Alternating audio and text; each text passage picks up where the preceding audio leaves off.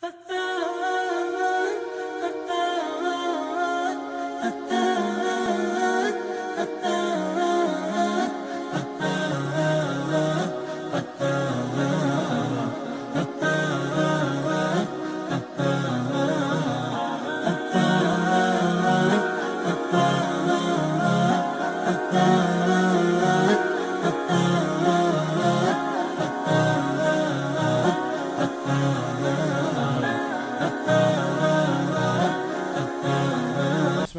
الرحيم الحمد لله رب العالمين والصلاة والسلام على رسول الله وعلى آله وأصحابه وسلم وسلم تسليما كثيرا.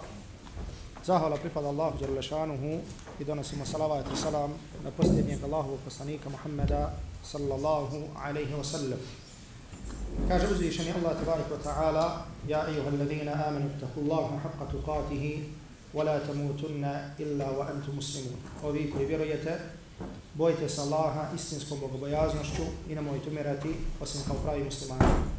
Allaha tabaraka wa ta'ala molim da nas učini od onih koji ga se boje istinskom bogobojaznošću i od onih koji će umrijeti samo kao pravi muslimani. I molim ga subhanahu wa ta'ala da ga sretnemo, a da on sa nama bude zadovoljan.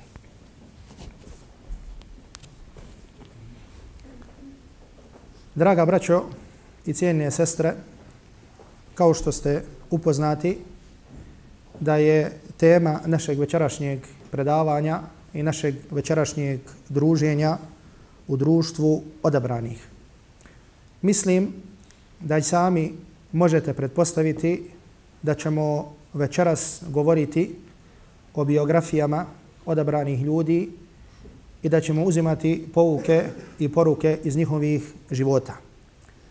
Na samom početku želim da skrenem pažnju na jednu veoma važnu i bitnu stvar koju su spomenuli islamski učenjaci, a to je da su kazali da je čitanje i izučavanje, to jeste i slušanje, znači da je čitanje i izučavanje biografija od najkorisnijih stvari za čovjekovo srce.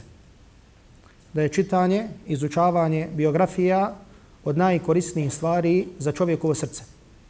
I islamski učenjaci kada govore o tim biografijama kažu da sto prije svega biografije Allahovi poslanika. Zatim posle toga biografije ashaba Allahovog poslanika sallallahu alaihi wa sallam, a zatim posle toga slijede biografije učenih i pobožnih ljudi. Ja večeras ovdje neću govoriti o biografijama poslanika, niti ću govoriti o biografijama učenjaka i pobožnih ljudi. Govorit ću o nekoliko ashaba Allahovog poslanika sallallahu alaihi wa sallam kod koji su se našle osobine i specifičnosti koje su se malo našle kod koga od ashaba Allahovog poslanika sallallahu alaihi wa sallam. Govorit ću o ljudima koji su bili najbliži i najdraži Allahovom poslaniku sallallahu alaihi wa sallam, to jeste govorit ću o poslanikovoj sallallahu alaihi wasallam porodici. Govoriti, odmah da vam kažem, govoriti o poslanikovoj sallallahu alaihi wasallam porodici, ni u kom slučaju ne možemo govoriti samo jednom predavanju. Jer govoriti o ovoj porodici možemo govoriti sa raznih strana i aspekata kao na primjer kuranski govor o ahlul bejtu, o poslanikovoj porodici, zatim poslanikova sallallahu alaihi wa sallam porodica u sunnetu Allahovog Rasula sallallahu alaihi wa sallam, zatim imamo i propise islamske koji su vezani posebni, fikski propisi koji su vezani za poslanikove sallallahu alaihi wa sallam potomke i njegovu porodicu. Međutim, ono što ću pokušat, da kažem pokušat večeras, jeste da spomenem ukratko njihove biografije i da uzmemo osnovne pouke i poruke iz njihovih života. Međutim, prije nego što počnem govoriti o njima, napomenut ću sebe i vas ko su ovi ljudi o kojima ćemo govoriti. Ima muslim je zabilježio u svom sahihu od Aisha radijallahu ta'ala anha da kaže da jedne prilike Allahu poslanih sallallahu alaihi wasallam izašao sa ogrtačem koji je bio širok. Znači, Arapi danas znaju obuć, znači nešto poput džube ili ogrtača, znači koji kada bi čovjek raširio svoje ruke, znači tolike širine ili možda više od toga. Pa je kaže, je došao Hasan, radijallahu ta'ala anhu, pa ga je poslanik sallallahu alaihi wa sallam ogrnuo, to jeste stavio ispod svog ogrtača. Pa je zatim došao Husein, njegov brat, pa ga je poslanik sallallahu alaihi wa sallam ogrnuo, to jeste stavio ispod ogrtača. Pa je zatim došla Fatima, njegova kćerka, pa je zatim došao Ali radijallahu ta'ala anhu. Pa je Allah poslanik sallallahu alaihi wa sallam sve četvoro ogrnuo i proučio kuranske ajeti sure Al-Ahzab gdje uzvišeni Allah tabaraka wa ta'ala kaže innama yuridu Allahu li yuzhiba ankum ar-rijsa ahla al-bayti wa yutahhirakum tathira. Allah hoće o poslanikova porodico, da vam oprosti grijeh i želi da vas očisti. U sunanu imama Tirmizija nalazimo da Ummu Salama, žena Allahovog poslanika sallallahu alaihi wasallam, kaže da je ovaj ajet objavljen u njenoj kući. Ovaj događaj koji sam spomenuo, znači dešavao se više puta da je poslanik to činio. Znači između ostalog, znači kao što je to prenijela Iša radijallahu ta'la anha. Međutim, Ummu Salama kaže ovaj ajet kojeg sam proučio, Allah hoće da vam oprosti grijeh poslanikova poruci, da vas očisti, je kaže objavljen u mojoj kući. To jeste gdje je živjela Ummu Salame. Pa kaže kada sam čula ovaj ajet, kaže rekla sam Allahu poslaniće, alastu min ahli bejt, min ahli bejtik, Allahu poslaniće, zar ja nisam od tvoje porodice? Pa je poslanik sallallahu alaihi wa sallam rekao, inneke ala khair, ti si na khair. Pa kaže, a kaže, tu su bili, ili u mojoj kući su bili, Hasan, Husein, Fatima i Ali radijallahu ta'ala anhu. Pa je Allahu poslanik sallallahu alaihi wa sallam fajallalahum bi kisa. Pa je njih četvoro ogrnuo svojim ogrtačem i rekao Allahumma haulai ahlu bejti. Allahu, ovo je moja porodica. Fa adhiba anhum rijz. Pa im oprosti grehe wa tahirhum tathira. I očisti ih. I zato Allahovi robovi, ova dva hadisa nam govore ove osobe, to jeste Fatima, Ali radijallahu ta'ala anhu i njihovi dvoje sinova Hasan i Husein, koliko ih je volio Allahov Resul sallallahu alaihi, alaihi wasallam. I zato ponavljam i kažem da ove, ove osobe, da se malo kod koga da, da se malo kod koga da su se našle osobine koje su se našle kod njih. Prije svega oni su ashabi Allahovog poslanika alaihi salatu wasalam.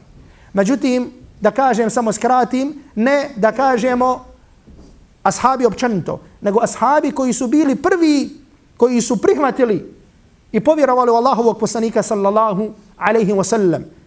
Oni ashabi koje Allah tabaraka wa ta'ala hvali kada kaže o sabiqun al-awwalun, oni prvi i uvijek prvi iz reda muhađira i ansarija, za koje Allah tabaraka wa ta'ala kaže radijallahu anhu wa radu anhu.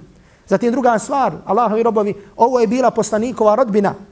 I treća stvar, i ona da kažemo najbliža, oni su bili poslanikovi sallallahu alaihi wa sallam ukućani. A nema sumnije da svaki čovjek najviše voli svoje ukućane ili da kažemo da su mu oni, da su mu oni, da su mu oni naj, najbliži. Također što želim da spomenem jeste da treba da znamo, znači svaki musliman treba da zna da je njegova porodica, ako bi o tome govorili, da je njegova porodica njegovo najveće bogatstvo i da je porodica svakog od nas njegovo carstvo. A onaj koji želi da zna kako će i na koji način da odgoji svoju porodicu, svoje ukućane, pa najbolji primjer ima u Allahovom poslaniku sallallahu alaihi wasallam. I zato kada bi govorili i uzimali pouke i poruke u ovom predavanju samo da govorimo ili obratimo pažnju na taj odgoj poslanika alaihi salatu wasalam, ove ovi ashaba kao ukućana, možda bi nam, možda bi nam bilo, možda bi nam bilo dovoljno. I spomenut ću vam samo hadis koji je zabilio imam Buhari u svom sahihu, da Ali radijallahu ta'ala anhu kaže jedne prilike po noći nam je došao Allahu poslanik sallallahu alaihi wa sallam i pokucao na vrata. Kaže meni i Fatimi. Pa sam se kaže probudio, pa rekao poslanik alaihi salatu wa salam, ala tu sallijan. Kaže za sada, zar ne klanjate?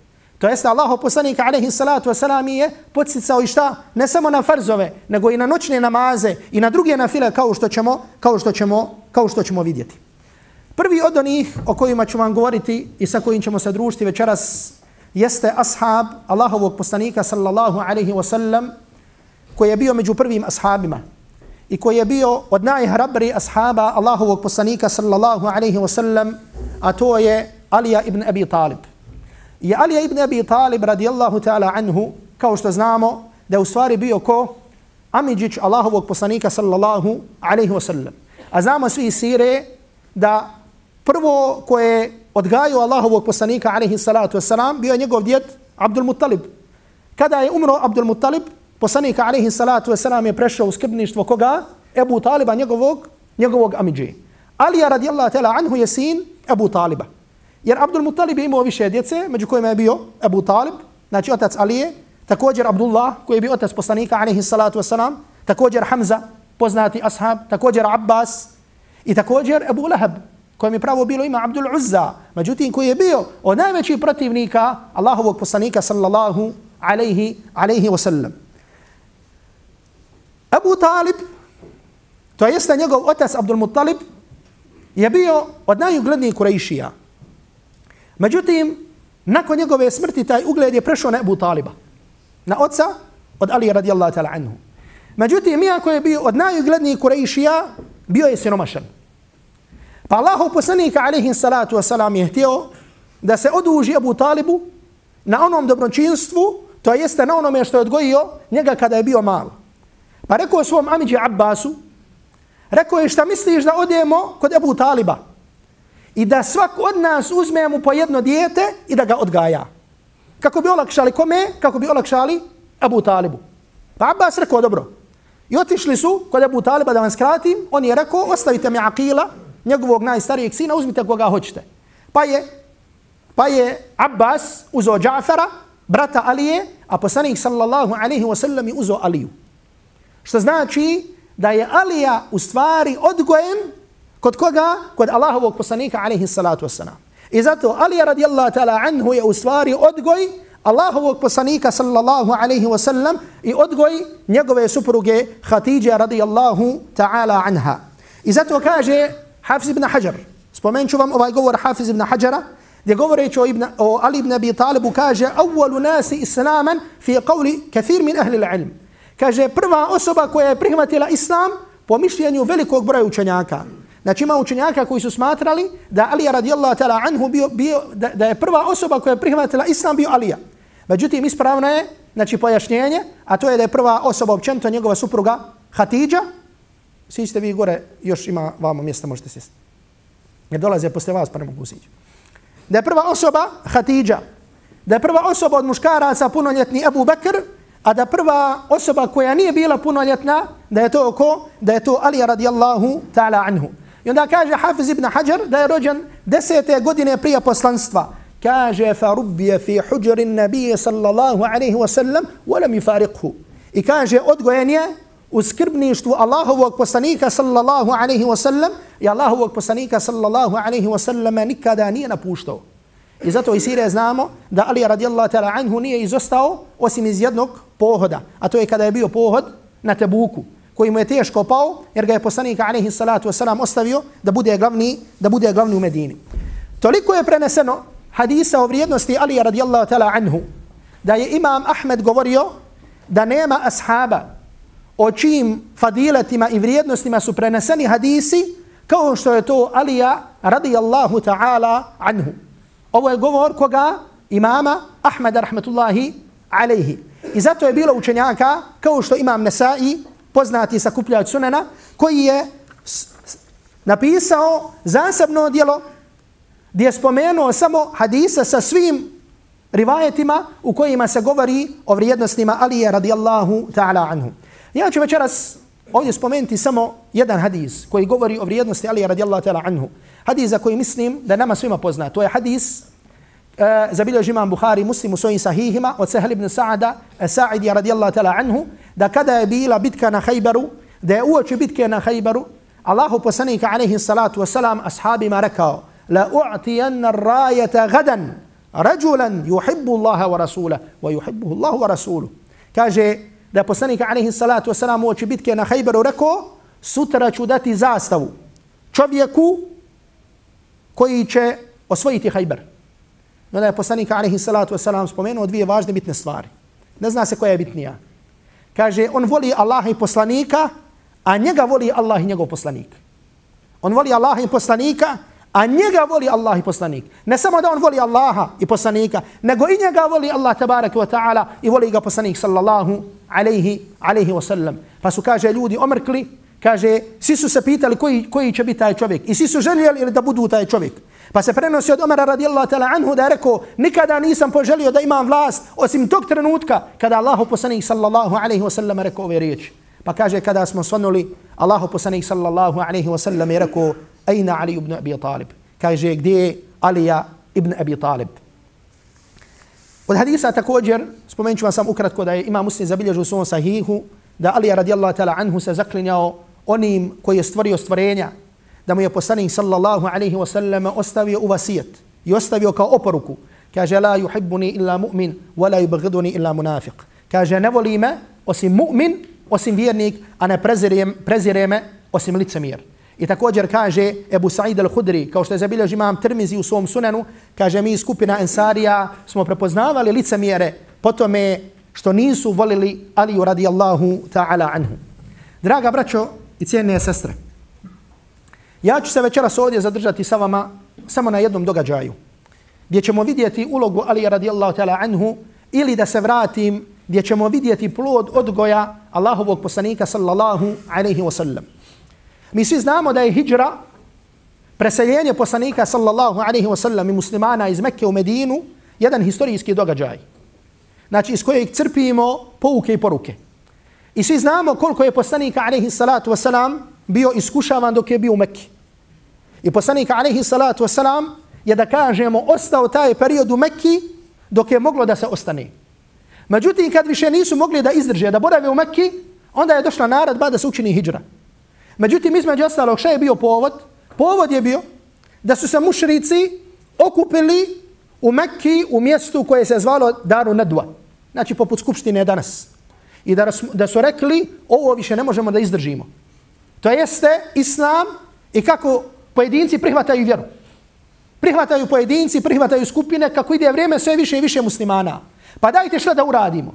Pa su dolazili sa prijedlozima. Jedni su rekli dajte da ga zatvorimo. Pa su rekli neće to ništa koristiti, opet će dolaziti do ljudi. Drugi su rekli daj da ga protjeramo. Pa, je, pa su rekli ako ga protjeramo, on će tamo početi da poziva. Pa su rekli ovo, pa su rekli ovo, dok nisu rekli, ubit ga. Koga? Allahovog Rasula sallallahu alaihi wa sallam. Međutim, ako ubiju poslanika alaihi salatu wasalam, znači poslanik ima svoje pleme. Znači javit će se ljubav prema krvi. Tražit će se osveta.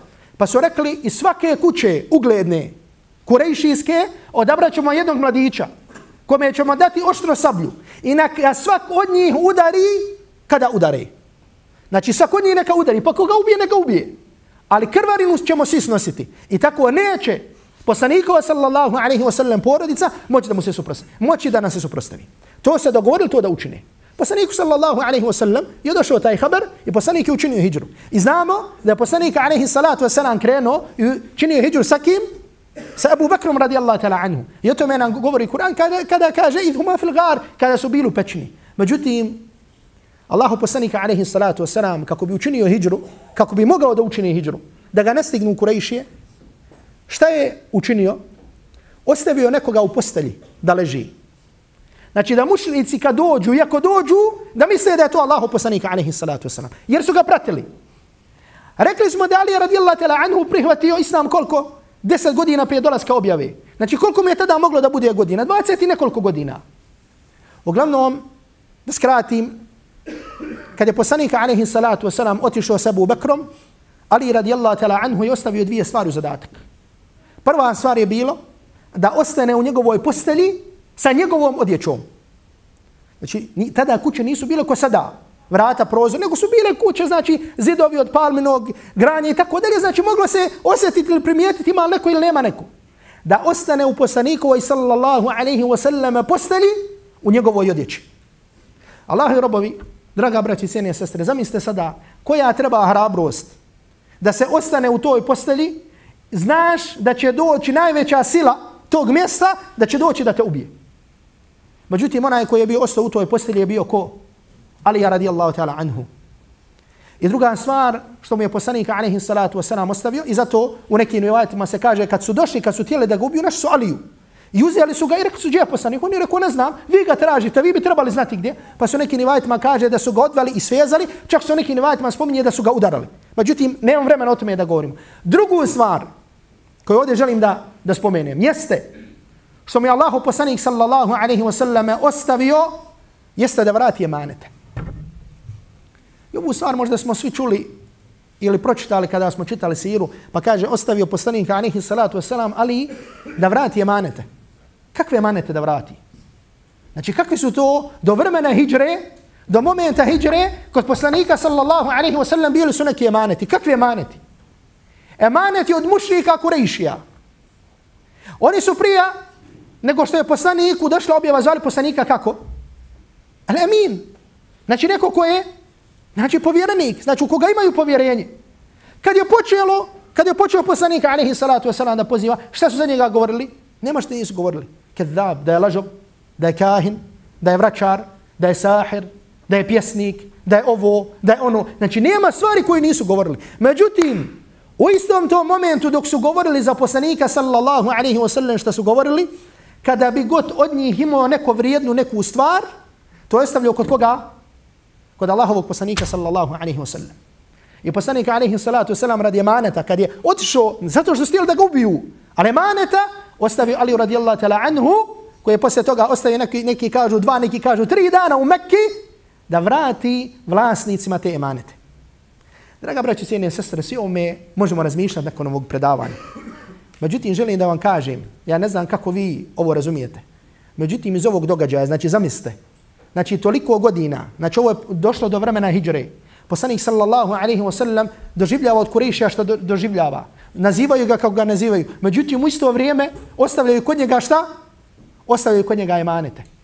Znači, šta, vi može, šta možemo vidjeti iz ovog događaja? Ja ne znam, ovo je sad moj lično, lični pogled i neki moj lični zaključak. Međutim, ja ono što mogu vidjeti jeste ahlak Allahovog poslanika alaihi salatu wasalam. I njegovo sallallahu alaihi wasallam vedro lice. Znači možete li zamisliti čovjeka, pa makar da, da si siguran, da je on amin. Međutim, ako je čovjek uvijek, što mi kažemo, ters, tabijasus, namrštenog lica, hoće li doći kod njega i reći, ostavljam ovo kod tebe da čuvaš, ostavljam ovo kod tebe da čuvaš. Teško. I zato u tim momentima, u najtežim, kad su radili poslaniku, alaihi salatu wasalam, šta su radili, znači možemo razumijeti kakav je bio ahlak Allahovog poslanika, sallallahu alaihi wasallam, prema njima.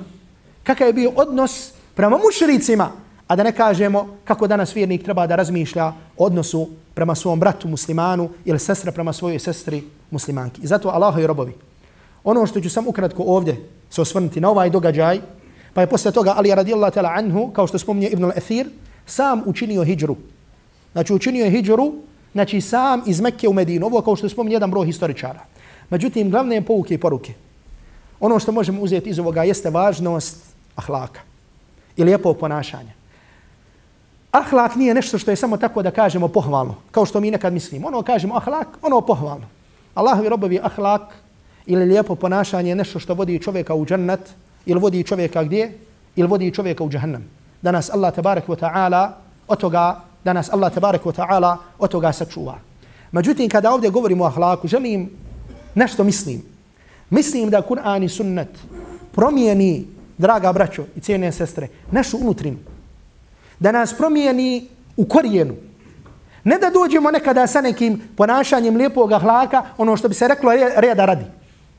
Znači, hoćemo da se promijenimo, pa dođemo, izađemo, nasmijemo se, taj osmij koji traje nekoliko minuta, nasmijemo se opet par minuta i tako dalje. Međutim, naše duše ne mijenjamo. Ne, nije to promjena koja se traži od nas, koji traži Kur'an i sunnet. Znači, vi znate, danas imaju firme, varaju, petljaju, Međutim, kad dođe inspekcija, možda zna napraviti račune da ispadne da su svi čisti računi i da kaže što sam ja uradio. Nisi ništa uradio, ali ti znaš sebe. Allah te barake wa ta'ala te još, Allah te barake wa ta'ala te još bolje zna. I zato, draga braću i cijene sestre, budimo od oni kojima će Kur'an i kojima će sunnet i kojima će sira Allahovog poslanika, alaihi salatu wasalam, promijeniti našu unutrinu. Jer ponekada nama naše strasti ne dozvoljavaju i naš ego da vidimo stvari onakvim kakve te stvari jesu. I zato ponekad čovjek treba da izađe iz svog sobstvenog zatvora, iz zatvora svoje duše da se oslobodi od svojih strasti, da se preda objavi Kur'ana i sunnata i da dopusti da ga objava Kur'ana i sunneta uzme za ruku, da tako kažem, da ga odgaja, pa da njegova duša bude onako kako to traži Kur'an i sunnet. I da budemo u svim dijelovima našeg života onako kako je došlo u Kur'anu i sunnetu. Znači u našoj kući, sa našim ukućanima i sa našim ženama i sa našom djecom i sa našim komšijama i sa onima koji su oko nas, koji su različitih pogleda. Či znači, svemu tome nas uči život Allahovog Resula sallallahu alaihi wa sallam. Još ću samo jednu stvar spomenuti ovdje kratko, draga braći, cijeni i sestre. A to je hrabrost. Pogledajte kako je Allahu poslanika alaihi salatu wasalam odgajio Aliju. Možemo reći na jedan način da je Ali radijallahu ta'ala anhu bio sin Allahovog poslanika alaihi salatu wasalam po odgoju. Ostavio je onoga koji je da kažemo bio mu najbliži. Šta je to? To nije ništa drugo nego plod odgoja Allahovog poslanika alaihi salatu wasalam na hrabrosti. I zato znamo kakva je bila hrabrost Ali radijallahu ta'ala anhu i to čitajte kroz siru Allahovog poslanika alaihi salatu wasalam i pogledajte njegovu ulogu u svakoj bici od bitaka. I zato ono što se traži od nas jeste da odgajamo našu djecu i našu ukućane na hrabrosti. Isto kao što i odgajamo na lijepom ponašanju, šta je lijepo ponašanje, šta je ružno ponašanje, isto tako, draga braći i sestre, odgajamo da, bude, da budu hrabri. Znači, dosta su se generacije našog, našeg naroda odgajali na nekim strahovima. Boj se ovoga, boj se onoga, boj se ovoga, boj se onoga, pratite ovaj, pratite onaj. Znači, samo s generacije na generaciju to nasljeđivam. Znači, dođu generacije, ništa nisu osjetile, ali se boje. Boje se, čega boje se još štitine udbe? Znači, musliman se odgaja da bude hrabar, da se boji jedino Allaha tabaraka wa ta'ala, da uzme U obzir uzroke, međutim, osnovni se na Allaha tabar. Ako Allah tabarak wa ta'ala ti propisao, to ćete zadest. Ako ti Allah tabarak wa ta'ala nije propisao, da se čitav dunjaluk okupi oko tebe, ništa to ne može. Pogledaj tu u današnjim događanjima šta je Allahov sunnet na zemlji. Oni se najviše bore protiv Allahove tabarak wa ta'ala vjere, a njihovi najbliži, njihovi ukućani se vraćaju Allahu tabarak wa ta'ala ili prihvataju islam i tako dalje i tako dalje. I zato ovo što je spominjen samo u minutama, znači možemo vidjeti, možemo vidjeti u ovom primjeru, to jeste u primjeru Ali je radijallahu ta'ala anhu u onom momentu kada je ostao, kada je ostao u postelji Allahovog poslanika sallallahu alaihi wasallam. Fatima radijallahu ta'ala anha kćerka Allahovog poslanika sallallahu alaihi wasallam. Samo ću vam podsjet sebe i vas, a opet vam kažem, ovo predavanje mi, i to je ono što mi je, da kažem sad problem, ne, dopuč, ne dozvoljava mi da govorim ono sve što bi htio da spomenem. Fatima radijallahu ta'ala anha, Allahu poslanik alaihi salatu wasalam je imao koliko? Imao sedmoro djece. Znači jednog imao sina Ibrahima sa Marijom, imao je dva sina sa Hatidžom. Znači to su bili Abdullah i Qasim. Sva tri sina Allahovog poslanika alaihi salatu wasalam su preselila, a bili su maloljetni. Znači mimo njih ostalo koliko? Ostalo je četiri kćeri iz Allahovog poslanika alaihi salatu wasalam. Znači ostala je Zainab, Ruqayya, Ummu Kulthum i Fatima. Ove prve tri su također umje, umrle za vrijeme poslanikovog alihi salatu wasalam života. I također da vam skratim, ni za jedne od njih nije ostalo, nije ostalo potomstvo. Jedino potomstvo koje je ostalo od Allahovog poslanika alihi salatu wasalam jeste potomstvo koje ide preko Fatime radijallahu ta'ala anha. Znači ne postoji poslanikov unuk osim preko Fatime i preko Alije radijallahu, radijallahu ta'ala, radijallahu ta'ala anhum. Allahu poslanika alaihi salatu wasalam je udo Fatimu i dao je za ženu kao ženu Ali radijallahu ta'ala anhu druge godine, druge godine po hijri. I kažu da je Fatima radijallahu ta'ala anha tada imala oko, oko, 15, oko 15 godina. Fatima radijallahu ta'ala anha je bila žena koja je od svih ljudi najviše ličila Allahovom poslaniku sallallahu alaihi wasallam u ponašanju i u hodu i u sjedenju i tako dalje. Od muški, ako ima nema vremena, govorit ću vam o Hasanu. Od muški likom je najviše na poslanika ličio Alija, najviše ličio Hasan, radi Allah ta'ala anhu. Međutim, zabiljež imam termizi u svom sunanu, od Aisha radi Allah ta'ala anha. Kaže, nisam vidjela da iko ličio poslaniku alaihi salatu wasalam u svom ponašanju, u svom hodu, u svojim karakteristikama, u svom sjedenju, u svom hodanju, od njegove čerke Fatime radijallahu ta'ala anha. I kaže, kada bi joj ušao Allahu poslanika alaihi salatu wasalam, ona bi ustala, poljubila bi poslanika alaihi salatu wasalam i sjela ga tamo gdje ona sjedila. Allahu poslanik sallallahu alaihi wasallam kada bi njoj ušao, Allahu poslanik alaihi salatu wasallam iz ljubavi prema njoj, prema njoj bi šta? Isto tako postupi. Isto bi ustao i poljubio Fatimu radijallahu ta'la anha i sjeo je tamo gdje je sjedio Allahu poslanik sallallahu alaihi wasallam. Fatima radijallahu ta'la anha je žena čovečanstva, žena svjetova. I zato kaže Allahu poslanika alaihi salatu wasalam, kao što je zabilježio imam Tirmizi u svom sunanu od, od Enes ibn Malika radijallahu ta'ala anhu da Allahu Rasul sallallahu alaihi wa sallam rekao hasbuke min nisa ila alamin. Kaže dovoljno ti od žena čovečanstva Marijem bint Imran. Marijem kćer Imrana. Wa Khadija bint Huwailid. Je Khadija sin Huwailida. To je poslanikova sallallahu alaihi wa sallam prva supruga. Kaže wa Fatimatu bint Muhammed. I Fatima kćerka Muhammeda. Kaže wa Asijatu zauđetu Firaun i Asija, žena Faraona. Allahu poslanika alaihi salatu wasalam kaže da je među ove četiri žene, žene čovečanstva Fatima radijallahu ta'ala anha. Kasnije ću se dotaknuti toga, reći vam, a sad ću vam prvo reći, Fatima radijallahu ta'ala anha je preselila, a bilo je 25 godina. Pa čovjek se može upitati, znači to bogobojaznost i ta odlika, to nije nasljedstvo samo. Znači ne može se poslanstvo naslijediti, niti da je neš, neko ko je dobar da to naslijedi. Pa nam Allah tabarak wa ta'ala spominje primjer poslanika čija su si, djeca bile nevjernici. Pa poslaniku Amidža, Abu Lahab, on njemu govori kuranska sura koja će se učiti sve do sudnjeg dana. Međutim, Fatima radijallahu ta'ala anha, draga braćo, posebno cijene sestre, kakva je to bila?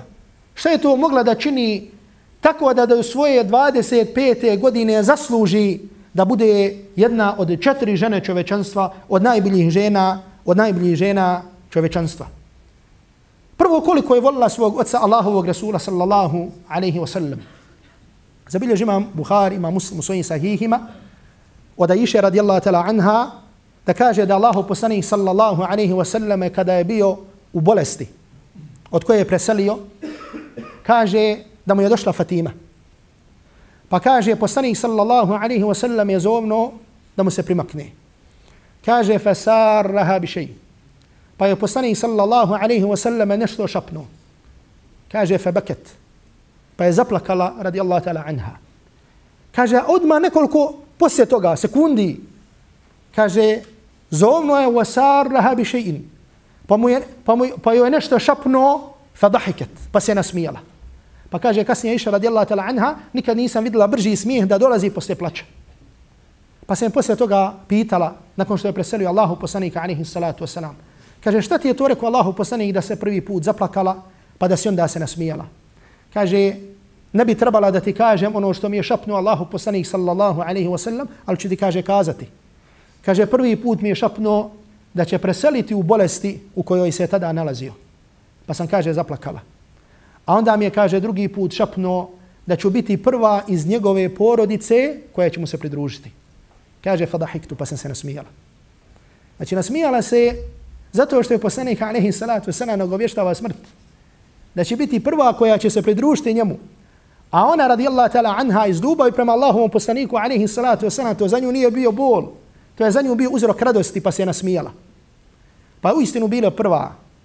Pa je šest mjeseci poslije smrti Allahovog poslanika sallallahu alaihi wa sallam preselila Fatima radijallahu ta'ala anha. Preselila koliko? Šest mjeseci poste. I čak neki kažu da kada je umru Allahu poslanika alaihi salatu wa salam, da se tada razbolila. I da, da se nije bila nikako oporavila sve dok nije bila preselila. To jeste da je od te bolesti da je preselila Fatima radijallahu, da je preselila Fatima radijallahu ta'ala anha. Što ću ovdje samo spomenuti jeste da Allahu poslanik sallallahu alejhi wa sallam, da je što, došlo, što je došlo hadisa o Fatimi radijallahu ta'ala anha, između ostalo hadis koji zabilježi imam Tirmizi u svom sunanu od Hudejfe ibn al-Yamana radijallahu ta'ala anhu, da kaže da je poslanik alejhi salatu wa selam jedne prilike rekao, došao mi je melek, kaže, koji se nikada prije nije spustio na zemlju. I kaže, je došao i tražio izun od gospodara da mi nazove selam i kaže da me obraduje da je Fatima predvodnica žena u džennetu i da su Hasan i Husein predvodnici džennetske, džennetske omladine. Allahu poslanika alaihi salatu wasalam je govorio Fatimatu bad'atun minni. Kaže Fatima je dio mene. yuribuni ma rabaha wa yu'dhini ma adaha. Kaže, mene boli ono što nju boli i mene ezijeti ono što nju ezijeti. Znači ona je bila šta dio Allahovog Resula sallallahu alaihi wa sallam. Međutim, Iako je bila dio Allahovog poslanika alaihi salatu wasalam. Poslanik sallallahu alaihi wasalam, je svoju miljenicu odgajio da veliča Allaha tabaraka wa ta'ala. I zato osnova odgaj, u našem odgajanju, da kažem nas muškaraca ili nas roditelja, očeva i majki naše djece, jeste da ih odgajamo da, na, da veličaju uzvišenog Allaha tabaraka wa ta'ala. Da se boje Allaha tabaraka wa ta'ala i da su svjesni Allaha više nego što su svjesni svojih roditelja. Fatima radijallahu ta'ala anha se udala za Aliju. Rekao sam vam, bilo je 15 godina, kao što neki kažu, možda godina manje, godina više. Međutim, pored svega toga, živjela je siromašno sa Alijom radijallahu ta'ala anhu. Toliko da je radila sama kućne poslove. Nije imala slugu da je šta? Da je izmeti. Niti imala služavku da je izmeti. Nego je sve radila sama. Toliko je radila sama da više nije mogla da radi sama. Da su joj se rane ili plikovi pokazali na rukama, na dijelu ispod vrata. Međutim, nije mogla više. I zabilio imam Buhari muslim od Alija radijallahu ta'ala anhu da su jedne prilike čuli da je poslaniku sallallahu alaihi wa sallam došao i metak. I rekli su ovo prilike da od Allahovog poslanika zatražimo samo šta? Zatražimo slugu ili sluškinju. Da izmeti Fatimu radijallahu ta'ala anha. Pa je Fatima radijallahu ta'ala anha jedne prilike otišla kod Allahovog poslanika i našla kod njega ljudi Pa i postidila se da ga pita pred ljudima, to jeste da, pre, da prekine njegov govor. Pa je bilo neugodno pa da ode. Pa rekao Ali radijallahu ta'ala anhu, muž, ja ću ići s tobom, ja ću se obratiti poslaniku alaihi salatu wasalam umjesto tebe. Pa kaže, Pa mu se da skratim, obratio Allah, obratio Ali radijallahu ta'ala anhu i kaže, ja Rasulallah, o Allahu poslaniće. O Allahu poslaniće. Kaže, džarrad bir raha hatta athrat fi jediha. Kaže, radi, kaže, radi svojim rukama toliko da su joj rane više i plikovi na rukama. Kaže, wa hamalat il qirba hatta athrat fi nahriha. Kaže, i nosi na svojim plećima, kaže da su joj se na nahru. Ovdje pojavile rane. Pa kaže, Allaho poslaniće, kaže, da joj dadneš jednu slugu ili jednu, jednu sluškinju. Pa Allaho poslanik sallallahu alaihi wa sallam kada je čuo ove riječi, a divan, je, divan nije bio odgajatelj. Allahov Resul sallallahu alaihi wa sallam zovno je Fatimu rekao, ja Fatime, o Fatima, ittaqillah. Allaha se boji. Wa'amali amala ahlik. I radi kućne poslove. Radi ono što žena treba da radi kaže wa idha akhadhti inače da kažem ovo je dokaz oni učenjaka koji kažu da je žena obavezna da hizmeti mužu ovo razilaženje sad neću ulaziti je žena obavezna da hizmeti mužu nije to znate znači jedni kažu jeste drugi kažu nije. Ovi što kažu nije. Ovi jedni će reći alhamdulillah nije. Drugi će reći ima li kako drugo mišljenje? Uglavnom postoji razilaženje među učenjacima. Jedni kažu jeste drugi kažu nije. Treći kažu da se to vraća na običaj. Međutim ako ćemo uzeti po ovom hadisu, ovo je dokaz onih učenjaka koji kažu da, da, žena je obavezna da izmeti svog muža. Pa je poslanik alihi salatu wasalam rekao, Allaha se boji, radi posao, znači radi kućne poslove, kaže, wa idha ahadti fi madja'aki, i kaže, kada tjedneš da legneš, to jeste da spavaš, sabbihi thalathan wa thalathin, kaže, 33 puta reci subhanallah, Wahmadi thalathan wa thalathin. I 33 puta reci Alhamdulillah wa kabbiri. I kaže reci Allahu akbar arba'an wa thalathin. 34 puta. Kaže fahija mi'a. Kaže to ti je 100 puta. Wa huwa khayrun laka min khadim. I kaže to ti je kaže bolje od sluge. Pa su rekli zadovoljni smo Allahom, odnosno zadovoljni smo s onim što je došlo od Allahovog poslanika sallallahu alaihi ve sellem Ovdje želim samo kratko da kažem jednu stvar koju spominju islamski učenjaci. Draga braćo, pogotovo danas u ovom vremenu, kad se svi žalimo, jel da kažem da smo nervozni, da smo tersi, da smo vaki, da smo naki, znači te kako koliko je potrebno čovjeku da čuva, da vodi računa o zikru. I zato, ako obratimo pažnju, vidjet ćemo koliko je Allahu poslanika, alaihi salatu wasalam, podučavao svoju porodicu, znači svoje najbliže ljude, na zikr. Pa kao što ću spomenuti, ako ima dne vremena, kada budem govorio o Hasanu i Huseinu radijallahu, radijallahu ta'ala anhu. Međutim, ono što islamski učenjaci kažu, ovo zapamtite, Allah vam dao svako dobro, jeste da zikr ostavlja traga ne samo na, da kažemo, psihički čovjekov život ili smiraj ili zadovoljstvo, nego također na fizički život, odnosno na fizičku snagu. I zato kaže šehhul islam ibn Taymiye, rahmetullahi alaihi, kaže ko bude učio ovaj zikr svaku veće iskreno, Allah će mu sutražnjem danu dati snagu još jednog čovjeka. Dati snagu, znači sluge. Ko bude ovaj zikr učio šta? Bude ga učio iz svog srca, odnosno sa svojim, odnosno sa svojim, odnosno sa svojim srcem. Fatima radijallahu ta'ala anha, draga braći, cene sestre, je bila primjer čudnosti. Je bila primjer čudnosti i kad ove primjere čujemo, za mnogim stvarima možda nećemo biti u potrebi da ih pitamo.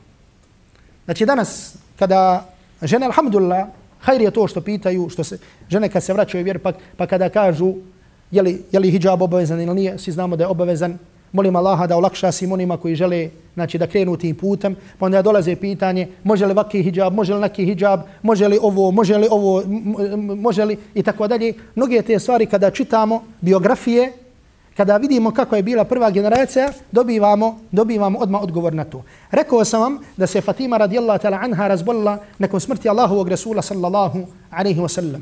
I to je teško palo. Smrt Allahovog bila je jedina od kćeri koja je doživla taj musibet. I kada spominju odlike Fatime, kažu doživjela je musibet smrti svoga oca. Za razliku od njeni sestara koji su preselile, koji su preselile prije njih. I posle toga šest mjeseci Fatima radijallahu ta'ala anha je preselila. Ona žena koja je hizmetila, da kažemo koja je pomagala dok je bila u bolesti, što mi kažemo koja je devrila oko nje, je bila ko? Je bila Esma bint Umejs.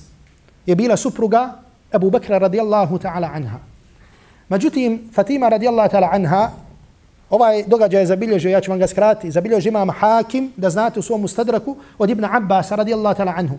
Kažu da Fatima radijallahu ta'ala anha, kada se razbolila, bilo je teško i bojala se kako kada umre i kada je zamotaju čefine i kada je ljudi budu nosili. A bio je ade da se, znači, mejit nosi šta? Znači, da kažemo kao na nekom stoli ili na nekoj dasci. I da kada dođe do kabura da se tu, da se tu spusti. Međutim, bila je te goba, kada je zamotaju čefine, kako će je nositi, a da ljudi vide njeno tijelo. Da su u čefinima šta? Oslika njeno tijelo. Jer me ti ako u čefinima, znači može se vidjeti je li visok, je li nizak i tako dalje. Pa je od stida radijallahu ta'la anha, joj je bio u tim momentima i govorila, govorila Esmi bintu Umejs. Kaže, šta sam dočekala? Kaže, da strahujem, hoće li se kako će me, kaže, an uhmel ala sariri zahiran. Kaže, da budem nošena ljudima vide. Da budem nošena kao mejit u čafinima. Međutim, ipak da me ljudi vide. Pa rekla Esma bint Umejs, kaže, ja imam rješenje za tebe. Kaže, kad sam bila u Habešu, u Abesini, kaže, vidjela sam kako tamo ljudi kopaju umrle. Kaže, kako kopaju umrle? Kaže, stave ih i nose ih u sanduku. Pa je rekla, radijallahu ta'ala anha Fatima, kaže, napravi mi taj sanduk. To jeste da vidi, da se smiri, da vidi kako izgleda taj sanduk. Pa otišla Esma bintu Umejs i naredila da se napravi onaj sanduk kako ona vidjela. I kada su donijeli taj sanduk pre Fatimu radijallahu ta'ala anha i kada je vidjela, kaže Esma bintu Umejs, kaže tebesamet, kaže nasmijala se. A kaže nikada je nisam vidjela mutabesima, kaže nikada je nisam vidjela nakon smrti oca, nakon smrti njenog oca, Allahovog poslanika sallallahu alaihi wa sallam, da je bila nasmijana osim tog trenutka kada je videla taj sanduk. Sanduk u kojem će biti nošena do mjesta, do mjesta kabura. Znači ne da će se zakopati u sanduku, nego samo da će biti nošena i da će onda, da će onda staviti. I kada je preselila Fatima radijallahu ta'ala anha, gasuli je ko Ali radijallahu ta'ala anhu i Esma bint Umejs, znači ova sahabika, i šta? Znači bila je nošena na ovakav način, zato kaže Ibn Abdel Bar, znači da ovo prvi sanduk, znači koji se spominje u historiji Islama, kojim se nose mrtvi, a to je znači sanduk kojim je nošena Fatima radijallahu ta'ala, Fatima radijallahu ta'ala anha. I zato, draga braćo i cijene sestre, takva Allaha, znači, zar možemo naći ljepše primjere čodnosti, znači od ovog primjera, znači da osoba, znači da, bu, da razmišlja o tome, znači kada umre, kada preseli, znači kako će biti nošena, hoće li se vidjeti dijelove njenog tijela, ne. Ovo ni osoba, ova ili ona, ovo je čerka Allahovog Rasula sallallahu alaihi wa sallam, ovo je, ovo je Hazreti Fatima. Hasan i Husein, radijallahu ta'ala anhu, spomenut ću vam nešto o njima. Hasan i Husein, radijallahu ta'ala anhu, ko su Hasan i Husein? Hasan i Husein, sinovi Fatime i Alija radijallahu ta'ala anhu. Miris Allahovog poslanika sallallahu alaihi wa sallam. Zabilježi imam Bukhari u svom sahihu da Ibn Omer jedne prilike je bio na hađu i da su mu došli ljudi i rekli, kaže, je li dozvoljno ili nije dozvoljno ubiti komarca? Pa kažu, odakle si ti? Kaže, ja sam iz Iraka. Kaže, pogledajte ovoga. Kaže, pita me o komarcu. A kaže, ubili su sina Allahovog poslanika, alaihi salatu wasalam. Aludirajući nešto, aludirajući na to što su ubili Huseina, radijallahu ta'ala anhu.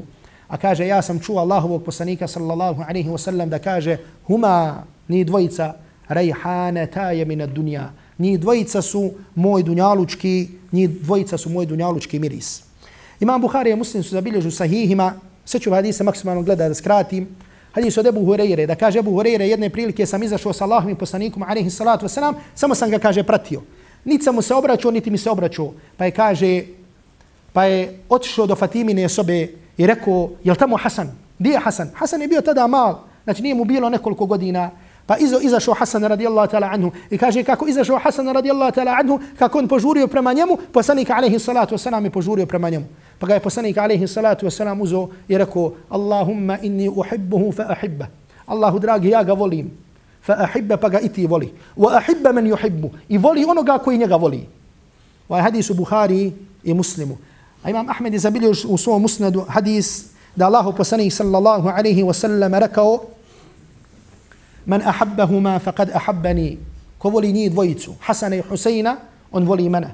Wa man abagadahuma faqad abagadani. A onaj koji mrzi njih, on mrzi, on mrzi mene. Hasan radijallahu ta'ala anhu je bio od najsličnijih ljudi kao što sam rekao Allahovom poslaniku alaihi salatu wasalam. Znači nije bilo osobe koja je ličila izgledom na poslanika kao što je ličio ko? Kao što je ličio Hasan radijallahu ta'ala anhu.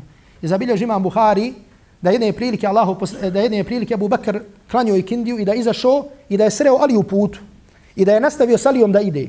I kako su išli, vidjeli su Hasana kako se igra sa djecom. A svaki otac voli šta? Da se kaže kako mu djete liči na njega. Pa Abu Bakr radijallahu ta'ala anhu kad je vidio Hasana uzo ga je digo i rekao kaže bi abi shabihun bin nabi wa laysa shabihun bi Ali. Kaže ovaj kaže liči na poslanika, a kaže ne liči na Aliju. I kaže Ali radijallahu ta'ala anhu se tada Ali radijallahu ta'ala anhu se tada tome nasmio. Hasan radijallahu ta'ala anhu je bio darežljiv između ostalog, pa se kaže da je dva puta čitav svoj metak podijelio na Allahovom putu. Tri puta je pola svog imetka podijelio i dao kao sadaku. Međutim, ono što možda bi trebali da spomenemo jeste da je glavna odlika Hasana radijallahu ta'ala anhu bio jedan veliki događaj, a to je događaj koji je nagovijestio Allahu poslanika alaihi salatu wasalam. Obrate pažnje, nekada ljudi kažu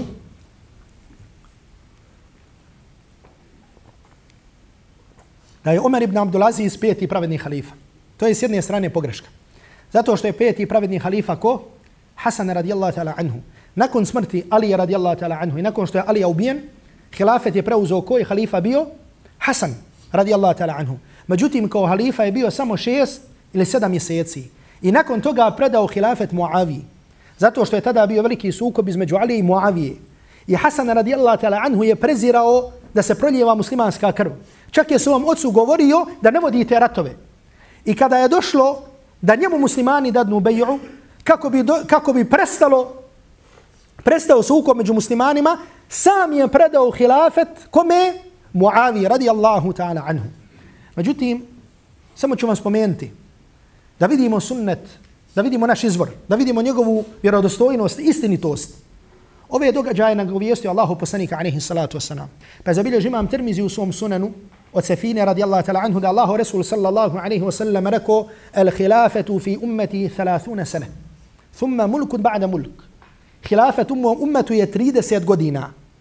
A zatim dolazi vlast posle vlasti. U drugom rivajetu khilafet na programu poslanstva ili vjerovjesništva u mom ummetu je koliko? 30 godina. Pa je Allahu poslanik alihi salatu wasalam preselio kada? 11. godine po hijri. U mjesecu kojem?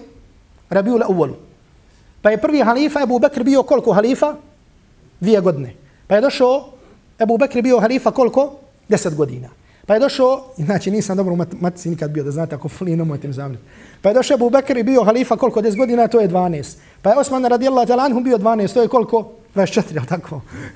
I ostalo je 6 godina, znači 6 godina je bio halifa Alija radijallahu ta'ala anhu, to jeste Alija pet i pol godina i 6 ili 7 mjeseci je bio Hasan radijallahu ta'ala anhu. 30 godina nakon smrti poslanika alaihi salatu wasalam. Znači to biva koja 41. godina po hijri. Tečno u mjesecu Rabiul Awwalu Hasan radijallahu ta'ala anhu vlast predaje Muavi. Znači tečno u mjesecu u kojem je umro poslanik alaihi salatu wasalam 30 godina poslije toga Hasan predaje hilafet Muavi. I ovaj događaj također je Allahu poslanik sallallahu alaihi wasallam nagovijestio. Kao što je zabilio imam Buhari u svom sahihu od Hasana al-Basrija, tog poznatog tabina, kaže čuo sam Ebu Bekru, ne Ebu Bekra, nego Ebu Bekru, jednog drugog ashaba. Kaže da je rekao, kaže Allahu poslani sallallahu alaihi wa sallam nam je držao hutbu. Pa kaže, a pored njega je bio Hasan sin Alije. Pa se Allahu poslanik alaihi salatu wa salam, kako je držao hutbu, i ljudi bili spred njega, obraćao se ljudima, A Hasan je bio pored njega, pa bi se obraćao ljudima, pa bi pogledao Hasana. Pa bi obraćao se ljudima, pa bi pogledao Hasana. Pa je poslanik alaihi salatu wasalam u jednom momentu rekao, in nebni hada sejid. Kaže, ovaj moj sin je prvak.